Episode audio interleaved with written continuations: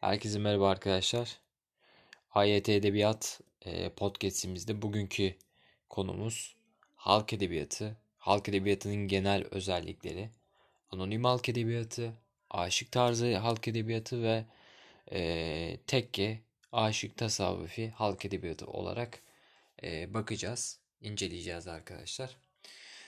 E, halk edebiyatının genel özellikleri olarak baktığımız zaman saz eşliğinde e, söyleniyor. Yani aşıklar saz eşliğinde işte kahvehanelerde vesaire bunlara şam, kam, e, şaman, kaman, e, baksı da deniyor arkadaşlar. Bu insanlar köy kahvelerinde ya da işte insanların toplandığı yerlerde tamamen e, doğaçlama olarak söyledikleri şeylere e, biz halk edebiyatının eserleri de, diyoruz.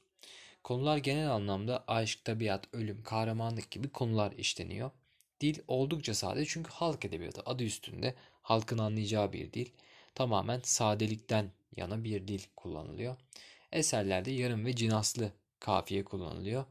Biliyorsunuz divan edebiyatında tam ve zengin kafiye kullanılıyordu. Çünkü divan edebiyatı ciddi anlamda kaliteli ve güçlü bir edebiyattı. Arapça, Farsça tamlamalarının olduğu bir edebiyattı. Fakat e, halk edebiyatında bunu söylemek e, bazı özellikleri dışında maalesef ki yok halk edebiyatında.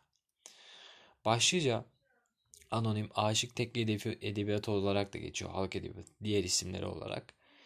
E, İslamiyet öncesi Türk edebiyatının devamıdır halk edebiyatı. İslamiyet'ten sonra da tabii ki devam ediyor. Rutin olarak hece ölçüsü kullanılıyor. Halk edebiyatında milli ölçümüzdür zaten. Düz yazı yok denecek kadar az. Genelde e, eserler mazm, e, mazmun ya da manzum şekilde veriliyor. İkisi de aynı şey şiirsellik şeklinde veriliyor arkadaşlar. İlk örneklerinde kısmen sanatlı dillere de başvurulmuş ama genel anlamda halk edebiyatı e, süssüz, sanatsız, tamamen halkın anlayacağı içeriklerden, dilden, üsluptan oluşuyor. Lirik şiirler ön planda yani aşık güzelleme diyeceğimiz, aşık sevgiliyi öven ya da sevgiliye duyulan hasret diyeceğimiz e, konular ön planda. Lirik diyeceğimiz şekilde. Anahtar kelime deyince halk edebiyatı ile ilgili saz gelebilir aklınıza, e, kopuz gelebilir aklınıza, sade bir dil gelebilir, lirik bir şiir gelebilir ya da lirik eserler gelebilir. Yarım cinaslı kafiye, cönk adı verilen e, şeyler gelebilir. Bunu birazdan bahsedeceğim. Hece ölçüsü gelebilir. Dörtlükler gelebilir. Şimdi halk edebiyatının alt başlıklarına baktığımız zaman halk edebiyatının alt başlıkları üçe ayrılıyor. Birincisi anonim halk edebiyatı. Anonim halk edebiyatı deyince bilmemiz gereken şeyler açık, anlaşılır bir dil. Zaten halk edebiyatının genelinde açık, anlaşılır bir dil, dil vardır arkadaşlar. Ne zaman ve nerede kim tarafından söylendiği belli değil. Adı üstünde anonim halk edebiyatının. Nazım birimi dörtlük olarak kullanılıyor. Oyunlar, masallar, bilmeceler ya da ninniler e, anonim halk edebiyatının ürünleridir. Eğer çocukluğunuzda dinlediğiniz ninniler varsa muhtemelen bu e, bundan yüzyıllar önce bir halk aşığının ya da aşık, kaman, şamanlardan birinin söylediği köy kahvelerindeki ninnilerden biridir arkadaşlar. İnsanlığı yakından ilgilendiren aşk, ölüm, hasret temaları e, anonim halk edebiyatında genişçe yer bulmuştur. Mensur, düz yazı parçalar ön plandadır. E, anonim halk edebiyatında düz yazı olarak yazılmış yani. Aşık edebiyatı, aşık tarzı halk edebiyatına geldiğimiz zaman da sanatçılar eserlerini biraz önce bahsettiğim gibi Junk adı verilen kitaplarda topluyorlar. Aşık tarzı halk edebiyatında. Aşıklar şiirlerini bağlama eşliğinde söylerler. Zamanla birçok aşığın şiiri anonimleşir. Çünkü neden? Adamlar bunları söylüyor doğaçlama olarak ve haliyle o dönemde çok hani ya, okumayı yazmayı bilen insan da az olduğu için bunları not alamıyorlar.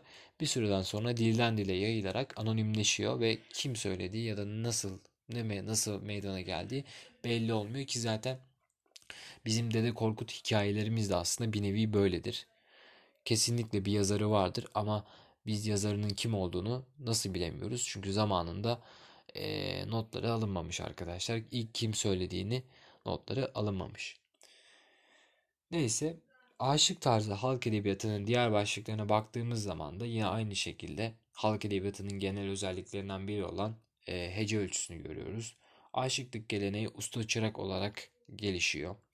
E, inci diş, elma yanak, selvi boy benzetmeleri vardır sevgiliye karşı.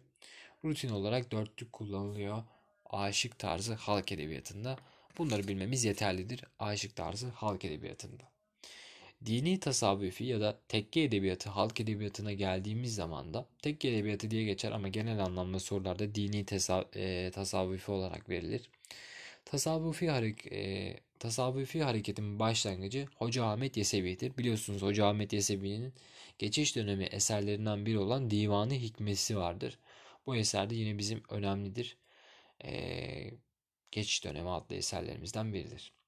Eserlerde Arapça ve Farsça etkisi vardır dini tasavvufi halk edebiyatında. Çünkü e, biraz daha böyle İslamiyet'in etkisiyle aslında Arapça tamlamaların ya da Arapça sözcüklerin kullanılması gayet normaldir. Kullanılan ölçü aruz ölçüsüdür. Yani aruz ölçüsü ama hece de vardır. Genel anlamda hecedir ama aruz ölçüsü de kullanılmıştır. Tam bir geçiş dönemi aslında diyebiliriz. Kamil insan eserlerde asıl hedef alınır. Eserlerde Allah aşkı sıkça e, işlenir dini tasavvufi halk edebiyatında. Dil genellikle sadedir. İlahi, nefes, deme, devriye, şatiye ve nutuk e, bölümleri vardır. İlahi deyince Allah'a duyulan sevgi anlatılır. E, devriye deyince Allah'tan geldik, Allah'a gideceğiz gibilerinden e, bir şey vardır. Şatiye birazcık daha eleştiridir. E, divan edebiyatındaki bu hicive benzer şatiye. Nutuk da e, divan edebiyatının ya da o dönemki e, görülen tarikatların eğitiminin anlatıldığı yerlerde nutuk e, bölümünde anlatılır bunlar. Nazım birimi olarak dörtlük kullanılıyor. İslami ilkeler esastır tabii ki dini tasavvufi halk edebiyatında. Ee, arkadaşlar halk edebiyatının genel özellikleri olarak bunları bilmemiz yeterli. Ee, halk edebiyatı zaten geniş bir yer tutmuyor. Sadece e, yazarları anlamında, şairleri anlamında tabii ki bilmemiz gereken çok önemli isimler var. Ancak onun dışında genel özellikleri anlamında zaten hepimiz çoğu özelliğine aşinayız. Genel özelliklerinden de çok bir soru geleceğini düşünmüyorum. Genel özellikleri de bahsettiğim gibi zaten bu, bu şekilde bitiyor. Ee, bir sonraki podcastimizde de e, halk edebiyatının sanatçılarını işleyeceğiz. İki veya üç ayrı podcast'te yapmayı planlıyorum. Çünkü çok şair var gerçekten ama en önemlilerini ve en önemli anahtar kelimeleriyle anlatmaya çalışacağım. Bu podcast'imizi dinlediğiniz için teşekkür ederim. Hepinize iyi çalışmalar dilerim.